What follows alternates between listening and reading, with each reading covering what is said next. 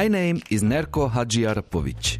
Thank you for taking time to listen to my podcast, Just Copyright. In this podcast series, I am discussing everything that comes to mind when entering the amazing world of music copyright. I have been fortunate enough to have been given time and resources by the University of Applied Sciences in Utrecht to, for four years, do an in depth research about music copyright in the digital music industry. In this podcast, my guest of the episode and I will tell you all ins and outs of the music copyright industry. For this episode, I invited David Schreurs. Uh, David Schreurs is a writer and a record producer and the founder of Grandmono Records, a record label, production team, publishing, and management company based in Amsterdam. Grand Mono creates, produces, and manages the work of, uh, among others, Caro Emerald. Above all, David is my dear neighbor.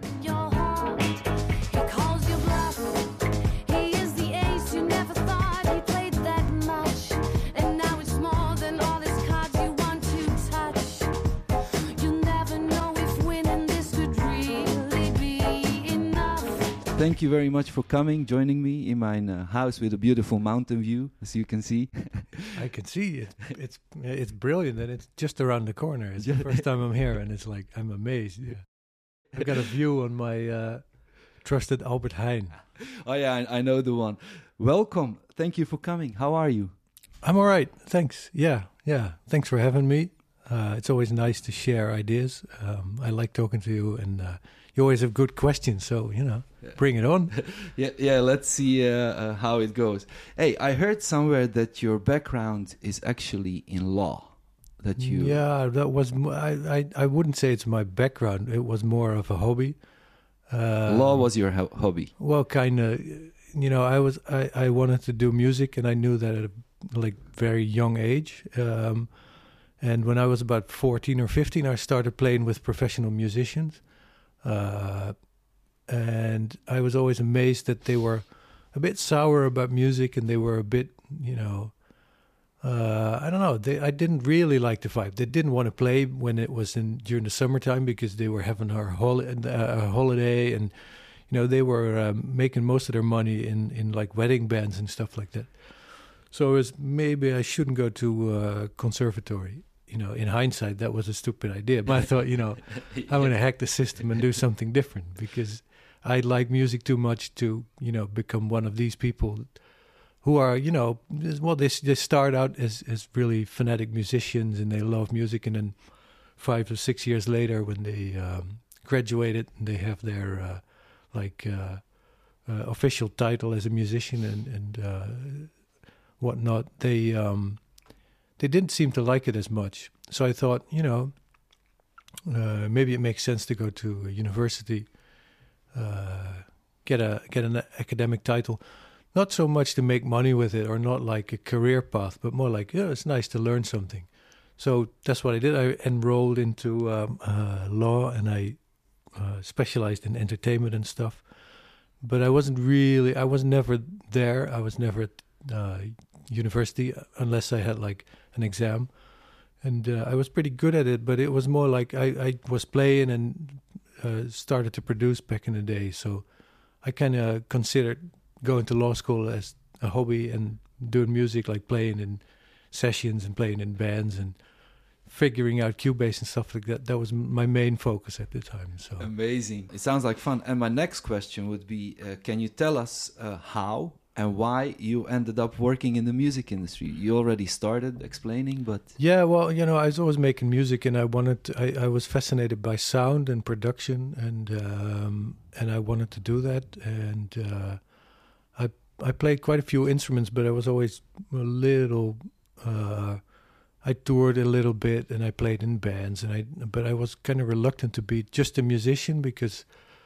Um, that was too much waiting for me. I'm, I'm, too impatient for that. So the production process was something that I really like, and you can do a lot of different things. So, uh, so that was always my main uh, goal to go into music. And I was like, boy, I can use what I learned at law school, but I will never make money with that. It's like more like uh, some uh, some extra knowledge that could help. I'm really interested in in uh, how your day looks like. I know you're involved in many projects right now that are not directly related to music, but normally, yeah. how would your day look like uh, as you being?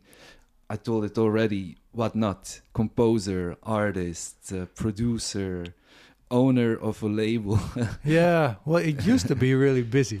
yeah, but I've learned to uh, uh, to step back. Um, uh, it kind of depends. It's a bit all over the place. That's that's the. Um, I wouldn't recommend it to uh, most people. Why? Uh, and I wouldn't recommend it to myself as well. I actually because uh, it's hard to keep the focus. See, some of the parts that you mentioned, like publishing or management, that's like just like I did law school. That's more like dabbling. It's not very serious. I don't have a, an office like a management over publishing office where I sit down and try to do stuff. Uh, those are not uh, my main f- focuses, and I'm not really ambitious in that area. We have publishing because we want to control our own rights, okay. and we don't want to deal with stupid opinions from outside publishers Yeah. because it makes life easier. Um, the setup we had, you know, I I I um, I made some tracks and I wrote some songs with uh, my dear friend Vince Degiorgio, uh, Canadian writer, um, and uh, and it turned out really well. And then we shaped that into the Caro Emerald project, and then that became really successful. And then with my background, I thought, you know, we're not going to hand this over to some label. We're going to do it ourselves. Yeah. And then um, uh, at some point, you just end up with uh, with uh, responsibilities for the label, for the publishing, for the management.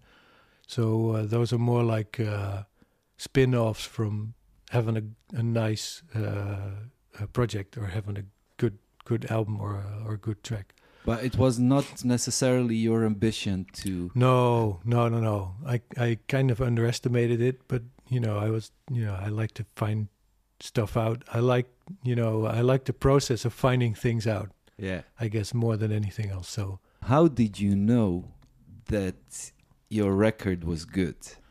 um, well, we we did we didn't uh, we did notice that when I had the demos, when I had the songs, I uh, well, first of all, the idea was something that me and Vince both really liked. I like uh, I met him through uh, uh, Lodewijk Martens, who is a who used to be a publisher, he's now a producer, um, and we wrote some songs, some some crap, some like pitch stuff. Yeah. And then I said at some point, I said, uh, you know what? I, w- I would always, I, I've always had this idea of like a Billie Holiday with beats, kind of, but then not like uh, make it Ibiza or lounge or or uh, that kind of stuff. Not like background music, not like the stuff we had in the '90s, but like proper pop music. And we really got along with that. So there was a lot of positive energy there, and we really, because he really liked that music and he really liked that idea. So the songs came out really quickly. Uh, we didn't we, we didn't spend more than an hour on any of the songs. Really? Um, No, but they're simple Wow, songs. yeah. They're simple songs, but there's a lot. So it's not like we're writing a, a symphony here. Yeah. Uh, there's they're simple pop songs, but there's a lot of vibe in there, and and so we knew that we had something we liked ourselves. But you never know if the record's going to be successful. You don't. Now let's dive into some really Yeah, interesting bring it on. stuff. yeah, yeah. I would like to know what is your most positive memory professionally from Yeah. the last 12 years? And I chose Do you know why I chose 12 years? Yeah, yeah, yeah. okay, yeah, yeah, yeah. So from the last 12 Yeah. years. Uh, that's a good one. I guess it, it would not be like one moment. We've had a a, a- a weird, crazy ride, and I wouldn't say it was uh uh fun. If I look back on those twelve years of well, it was basically three three years of extreme success. Basically, maybe four, four, four or five, and then uh, then you get to the tail quite soon, especially with pop music. But um, I didn't really l- enjoy that process, to be honest. What I did like about it was, uh, uh, or like the, the the success is like not very interesting. It's very stupid. You spend a lot of time, you know, picking ties for award shows and stuff like that. yeah. Um, so that didn't really interest me. What was great about it is that you get opportunities and you get you see that there's a world uh, that you you know is there, but you're never part of. Yeah, and but but I mean, there must be a moment back in time when you felt like, wow, it's amazing. We are getting some recognition for our hard work or whatever. Yeah, I don't know. Uh, it's not like I guess people romanticize it. Uh, Could be. yeah, because it's not like there's no time to sit back. So you're not like sitting on a bench and looking at the sun uh, setting, you know, and, and you're Yeah. like, wow, this happened to me.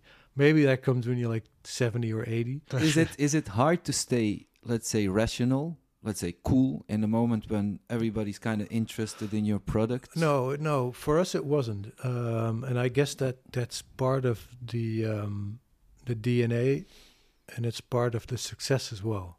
Because it's very simple. When you're a musician and you make music that nobody likes, nobody calls you. Nobody sends you emails. Can we use it for this? Would you would you do a feature on my record, or would you whatnot? Would you sign a deal?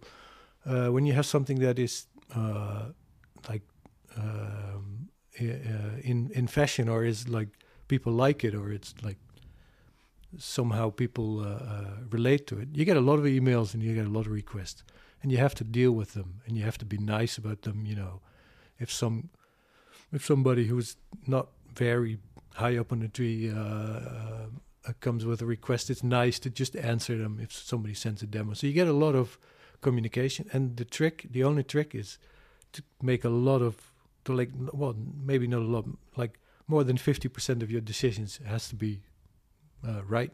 Yeah. it has to make sense. So it's a big puzzle. You get like uh, you get a call from a label. We want to do a duet with lionel richie it's like so i see some girly guy uh, yeah, from yeah. the 70s like well you know thanks for the offer but uh, uh, is he going to come to the studio? Because then we get some fun out of it. No no no he's going to send the tape. It's like okay thanks no thanks. We're not doing it. Yeah, because- well, then it's a marketing effort and we don't like that. Yeah. uh, or we don't like that. I mean uh, it's all cool but you know it's not like the way we uh, we want to do it. We were really focused on our on our own thing. And um, and that was uh, what made it quite easy to make all these decisions. Yeah. It's Yeah, really really, really easy good. to to to stay laid back. It's also very tempting to get carried away. I see that with a lot of artists or people they everybody is very very keen to keep a, some kind of weird dream alive when it's just like it's like any other job isn't it? It's like you know. Yeah, yeah, yeah. yeah It's like uh, construction.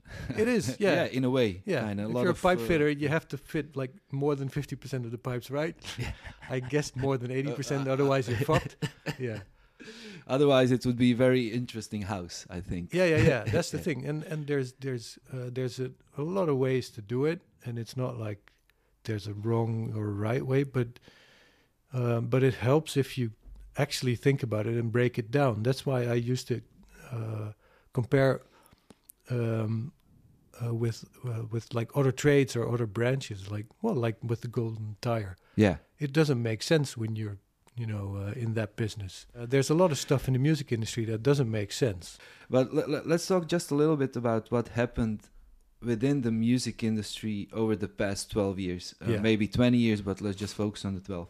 What do you think, in your opinion, is the most striking development within the music industry?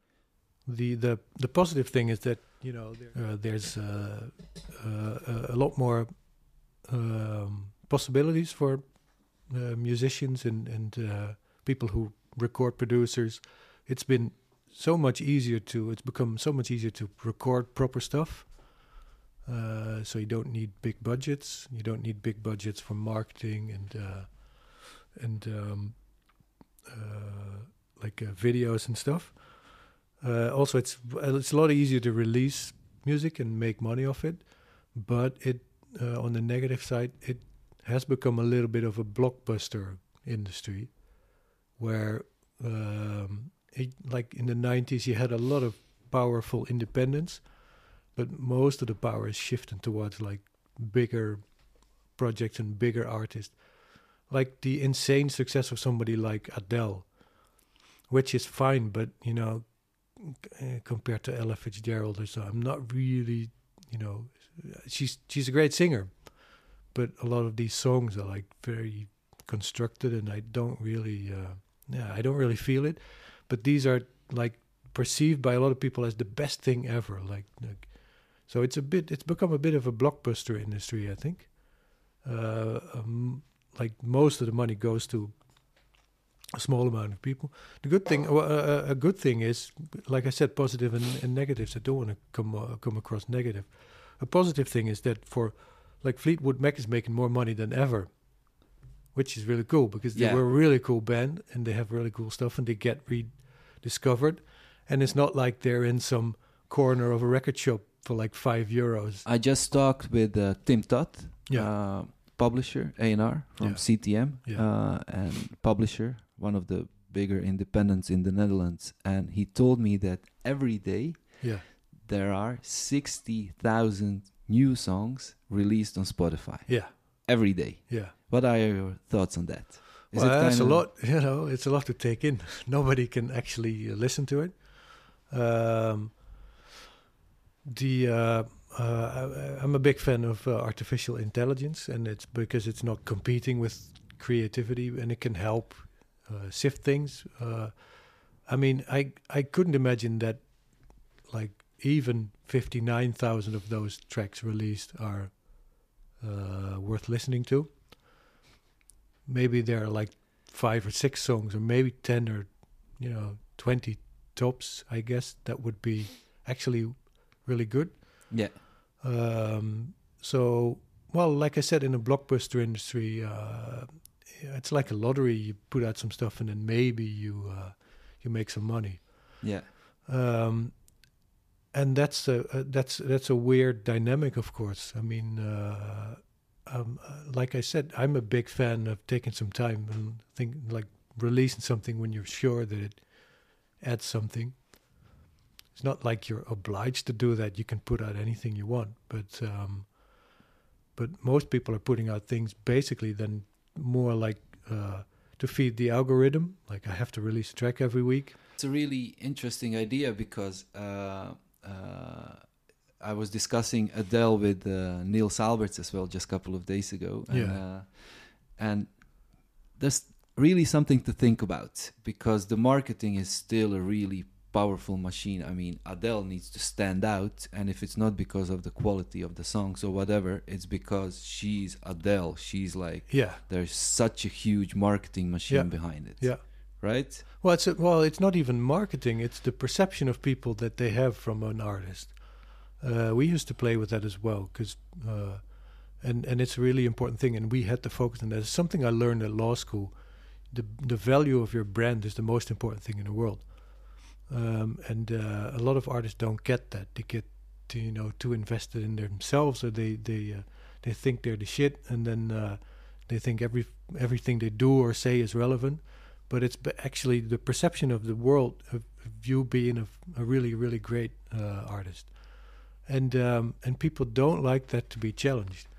You create a different playing uh, ground and you, you kind of you can stimulate the idea that there's going to be uh, extremely successful artist, and the rest is basically uh, just uh, either failure failure Yeah. in terms of not getting streams or whatever Yeah. or or ending up in the long tail yeah which is that the long tail is becoming bigger and bigger Yeah, every yeah. day. yeah well, that's a good thing. It's Interesting. good you mentioned that. Yeah, th- th- that's uh, that's an interesting thing. Yeah. Uh, and for us, I mean, the the uh, the heydays of uh, big success are, are way behind us. I mean, that's like eight years ago or ten years ago. But the long tail is really interesting. Uh, we came up in a time that we sold a lot of CDs, and we were really shit at uh, digital.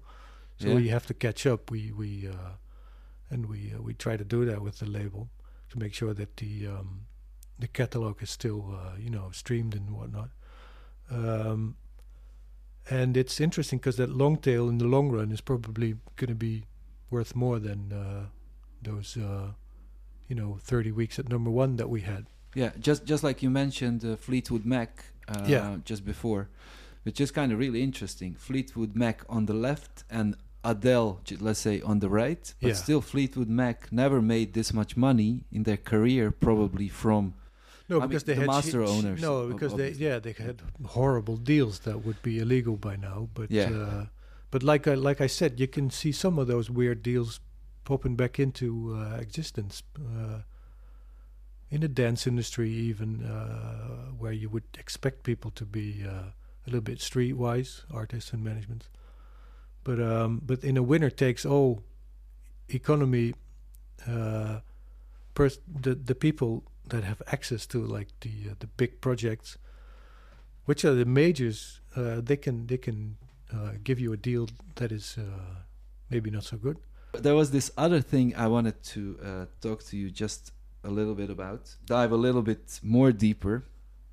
Uh, and it's the focus of my PhD research. As you know, I'm doing the PhD research Yeah. on just or fair copyright in the music industry, Yeah, uh, where I would like to understand the system from a legal perspective, economic perspective, technological perspective, yeah, and but also understand the enforcement of the system. It Yeah. could be great on paper, but maybe it doesn't work really great in practice.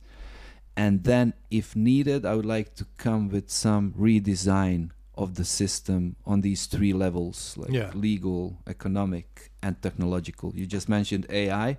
So, for example, how can we use AI to make the system even more fair or just? yeah, So I'm really interested in um, two perspectives, yeah, uh, which is uh, the rational, uh, uh, uh, rationale yeah, uh, about the justice of the music copyright system as it is now, Mhm. and the other one, the, the, the, the, the personal perception of the system. So Yeah. can you address that just a bit for me? Uh? yeah, yeah. Well, um, the the system has been uh, um, shaped back in the uh, at the beginning of the 20th uh, century, and um, back then you d- it was a different different uh, field. It was mostly books and like sheet music.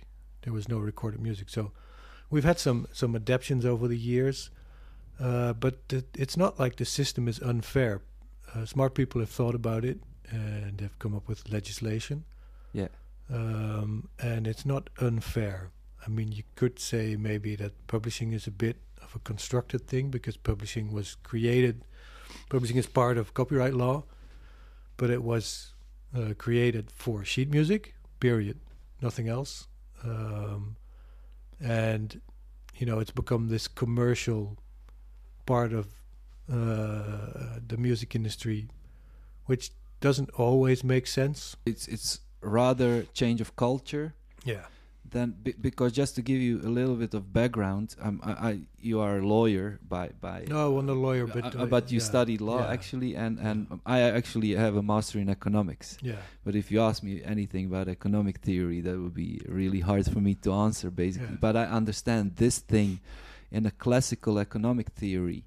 Uh, uh, the belief, even the religion, is that all the actors Yeah. are homogeneous, that Mm. they all have, that they're all rational, that they all have access to the information. Yeah. But when when we talk about enforcement of the system, it's not like that. No. It's not that we all publishers obviously have much more access to information than you as a composer, the big publishers Yeah. or the labels. Yeah. Even Spotify would share some insights with the artist, but Apple would not Yeah. right now. So how do you feel about that? Well, I think um, I think it's it's uh, a lot of people complain about that, and they shouldn't. They should get informed. We were discussing the access to information, which was you, you just explained back in the day or in other industries, basically, uh, there's a bit more kind of educational level. People have more. Yeah, that, Yeah. that that's the thing. I mean, um, from creative people, you d- you don't expect them to study everything and, and do and you know go through law school and then become a creative. That's that's a bit far uh, fetched. For people in the industry, you would expect you know it would be nice to have more knowledge, but you know these days it's getting better because tech technological companies and financial companies are moving into the music industry, and they have this kind of people, you know, uh, that know what they're doing and know quite well what they're doing. It's not to say that in the music industry nobody knows what they're doing, but sometimes um, it's good to, uh, you know, uh, you know, a little bit of knowledge goes a long way. I helped a couple of young artists with their contracts with labels, and uh, You know when you find these things in the contracts and you ask about them and they go like, "Yeah, we we've only always done it like this." Yeah, we've always done it like And, like, this. yeah. Yeah, okay. It's well, like then we would live in cages, wouldn't we? yeah, like- it sounds really good, but I mean, why is this thing here? I I mean, there are many examples or whatever. You cannot go to the hairdresser Yeah, without permission of the of the label. yeah, What? Uh, it's okay, I understand, but but you know, uh, yeah. at least you expect a good argument for a thing that's in a bloody contract. When you have people around you who have who have proper education or have access to knowledge or have learned things, you can have these discussions and you can think about it and you can step back and say, okay, yeah, I'm, uh, we used to do it like that all the time, but let's not do it anymore. Yeah, because it's backwards and uh, if you want to move forward. I mean i'm i'm a strong believer that you know the music industry and creative people they have the same goal they have the same interests. Uh, and there's a lot of animosity uh, i guess but they they have the same interest and you want to get on the same page and then do a deal that benefits everybody yeah, that's the way you want to go. That's where you want to go with legislation. That's where you want to go with culture and and like how how it's actually carried out. So yeah, I I uh, I think it's um it's it's the trick is to find common ground. And and ju- just to summarize a bit, my question was basically going to be: Do you think the fair system of music copyright, where all players are maxim max uh, satisfied to the max, is possible? And I think your answer is also very positive. Uh, it probably is to cert- to a certain level, but it needs and education and change of culture and maybe some adjustments in uh, legislation or whatever Yeah, well, yeah. Yeah, I think the first a, a first step, you know, and I'm I don't want to sound like a uh, like a preacher or something, but I think a first step would be for um, a, a- a- a- a smart step would be for creatives to start because they are the gold of the industry. Yes. When there's no Assets. yeah, when there's no creation, there's no. I mean, it's music industry, uh, and and a lot of musicians uh, w- uh, would help themselves, or even if people don't care, get their managers to to find it out. It's like uh, actually understand the music industry. A lot of people, uh, there's a lot of animosity towards publishers, labels, managers, because there have been a lot of examples of you know people not treating each other right. something completely different. What is your favorite song right now and why? Oh, that's a good one. Mm. because I know you you dedicated list you listen to music probably a little bit less than when you were 20 but a lot and no, I'm yeah, yeah, still quite a lot. okay that's good Uh, I I don't I don't remember a lot of names, but uh, I really like uh, the British uh, artist Dodie, which is a singer. how do you how do you spell Uh, it D O D I E. D O D I E I will just look it up on Spotify She's got some really good songs. I really like. Um, uh, D what's her name again? D O D I E Dodie Yeah. and one uh, particular song there's the biggest one with the most streams is she or sick of losing soulmates or Oh, it's, I, I don't I don't have a one particular song that I really like. There's a lot of really good songs. I'll just pick one Carry the time we don't talk in a backpack. Leave it on the side with the nice you didn't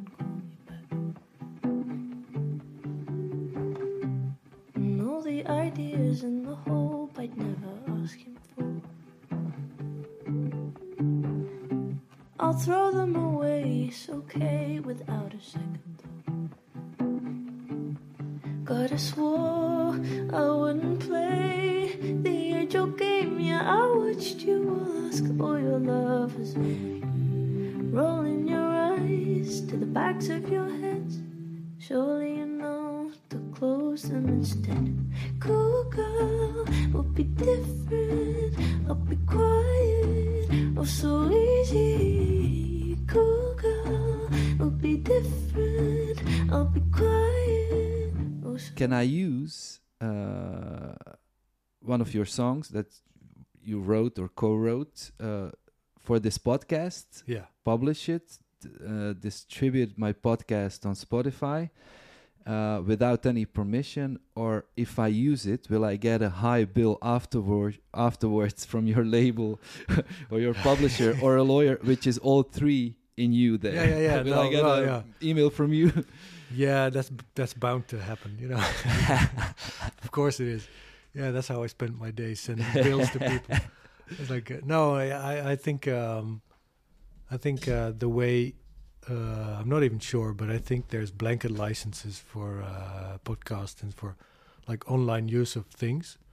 okay. So um, so I think it's something that that's going to be dealt with automatically by. Uh, but I don't, I, I, you know, I don't have an hands-on experience. I mean, our stuff is used a lot. My songs are used a lot, but um, we never do direct licenses for podcasts or for YouTube or whatever. So it's probably just a, just like for use on television. Yeah, They can use it. yeah. There's a blanket license, yeah, I think. Yeah, H- How do you call it exactly? a blanket license. Blanket so there's like a, a deal between uh, the um, collecting organization and uh, the platform that puts it out. Okay, thank you so much. Uh, uh, what are your? We need to kind of go towards the finish now, but just a brief. What are your thoughts on uh, big tech companies besides Spotify, but more Yeah. like Google, YouTube, uh, Facebook, TikTok, Instagram, using music? And do you think that they are uh, paying enough compensation in economical terms to the right holders for using their music? Well, uh, I'm I'm not like I don't have the current rates like uh, on on top of uh, uh, so I don't I'm not really aware what the what the current rates are, but I know they're quite low for TikTok, which is worth a, a lot of billions. Uh, they pay shitty money. I, I uh, so and they're basically they're they used to be called Musical.ly. They're Yeah, based on music, but they were they they were smart and they were they they started out uh, using a uh, a bug in the system basically because they used the 15 second preview on Apple when it was still downloads. So that wasn't completely illegal, uh, but they, they they do underpay. But a positive thing is, you know, you, you you have to start somewhere. They are using the music. They are bringing a platform, which makes it easier for artists to get uh, promoted. For us, and for instance, we uh, we never we we uh, we kind of dabbled in the U.S. We were independent and we did quite well, but we didn't really break the U.S. Uh, but we had one remix that was a big hit on TikTok, not by our doing, just happened. And uh, because of that, our YouTube figures in the US uh, were really, really, really high just by that remix. And a lot of people discovered our music. So it made us a lot of money, like, like, like proper, proper money. Wow, that and yeah. um, that's because of TikTok. So I, Yeah. and sure, I can complain that out of TikTok, we, there were like 600,000 videos with that track uh, with a song I, I wrote with Vince and, and uh, Guy Chambers, and, and there was a remix version and like six hundred thousand videos with a lot of views. You would expect some some money, and I guess we got ten thousand euros out of TikTok, yeah. uh, and they weren't giving it away for free uh, neither. So it was quite some work to get it out of them. Yeah. But uh, but the exposure they gave uh, was worth a lot more. one thing I was really curious about, especially about your opinion, is this black box money Yeah. because I know that especially majors are getting paid a lot by CMOs because there's this big black box with money. Yeah. CMOs don't know who actually the rightful uh, right holders are. No. So the bigger the share, the more money you get out of the black box Yeah. which is kind of a business model became a business model of big major publishing big publishing companies because they are actually counting on that money Yeah. Uh, which is actually based on nothing it's just based on the fact that cmos don't have the technology to Yeah. actually allocate the money to the rightful owners what Yeah. what is your what are your thoughts on that Well, uh, it goes to show that the system is not perfect, and um, and because the black box money is quite big, we we have uh, our own little publishing setup uh, within Grandmono, and we had the same thing. There was a lot of black box money coming in, and it was hard to uh, allocate, and you have to do it on a fair basis. But it's not top of mind for most uh, producers or artists or managers, so a lot of people just leave it on the table basically, well, you, you know, people are trying to solve it. I'm, I'm, I'm sure, I'm convinced that CMOs are, are trying to reduce that. Uh, but it shows that we need companies like Google to solve that in a rational way, look at it in a way that makes sense. I think, I think we're, you know, not close, not really close, and you can blame the publishers for setting up a business model model around this, and it would Yeah. be, uh, it would be fairer if they would, you know, allocate it to the writers. Some of them do. I mean, but it again, it comes. This comes down to this is a reality, right? We don't have a perfect system. We never will. Yeah, When the ink is dry, nobody's going to renegotiate about this. exactly. Yeah. So you have to have this knowledge before you do the deal. You have to get informed. Yeah, This is the nitty gritty of the music industry. I mean, if you buy a house and you don't pay attention, well, some things can go wrong. Some things Can- could go wrong. Yeah, can you blame somebody? Yeah. Well, uh, yeah, you can, but you you be uh, you can you know nag about things, but you can also you know address it when you're. Before you And sign it- the contract And it starts with transfer knowledge, the yeah. money. Yeah, And I guess the first uh, the first person to uh, dive into this should be your manager or your lawyer, and, and in fact, most lawyers know this, but but you know, get informed and. Uh, and because you have to. Sorry to interrupt. You are killing my next question. I'm sorry. You just killed it because it would be what would be your Let's rewind. one advice to the young and upcoming composers or makers or artists. But I think Yeah, well, there's Mm. different ones. Let's let's focus on the creative one because we've been talking about the business, and um, yeah, and a lot of people think the business is really really important. And then, you know, you make music, and if you meet the right people and you sign to the right label, um, you're going to be famous, or whatnot, uh, or you're going to be successful or whatever. It's like the, there's so much focus on success in the music industry, but you have to take a few steps back. Um, I, I guess the most important advice to every creator is, you know, be really critical about what you're making, and spend your time, uh, you know, crafting your your skill and uh, and and uh, crafting your work, and you know, compare it to stuff that is like like the best stuff you can imagine. Uh, do you have a question for my next guest, Joost Hartsen from uh, AMP Amsterdam? He's into syncing and sound design. Is there something you would like to know from his perspective? Um, yeah, I'm, I've, I've always been fascinated by the world of syncs because it's uh, we my music has been synced a lot, like like a lot, uh, and um, but I never really understood the business very well. So it would be interesting to uh, to know um, how he looks at that business. How does it work? Where where do the deals? Uh, what's what's like? The, what's the most important thing? Is it like the song ending up somewhere? Is it like the somebody pushing for it? It's like uh, it's always a bit of a mystery. Most things for us came out of you know somebody hearing a song, and and they never came from the um, like people like him or companies like, Yeah. like he's running. They were just like handling the paperwork. Yeah. Any final thoughts?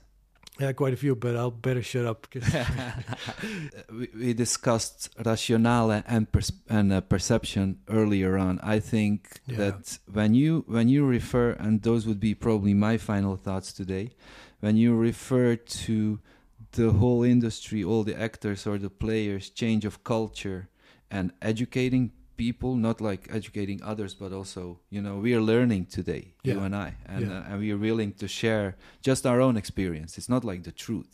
So this was it for this week's episode, and thank you for joining us today one more time, sharing your experience, knowledge, and especially your thoughts with us, David. David. Next week we have another great guest, Joost Haarte, the sync master from Amp, Amp Amsterdam, and I'm really looking forward to meeting him once again. Thank you so much, David, and uh, speak. We will speak soon.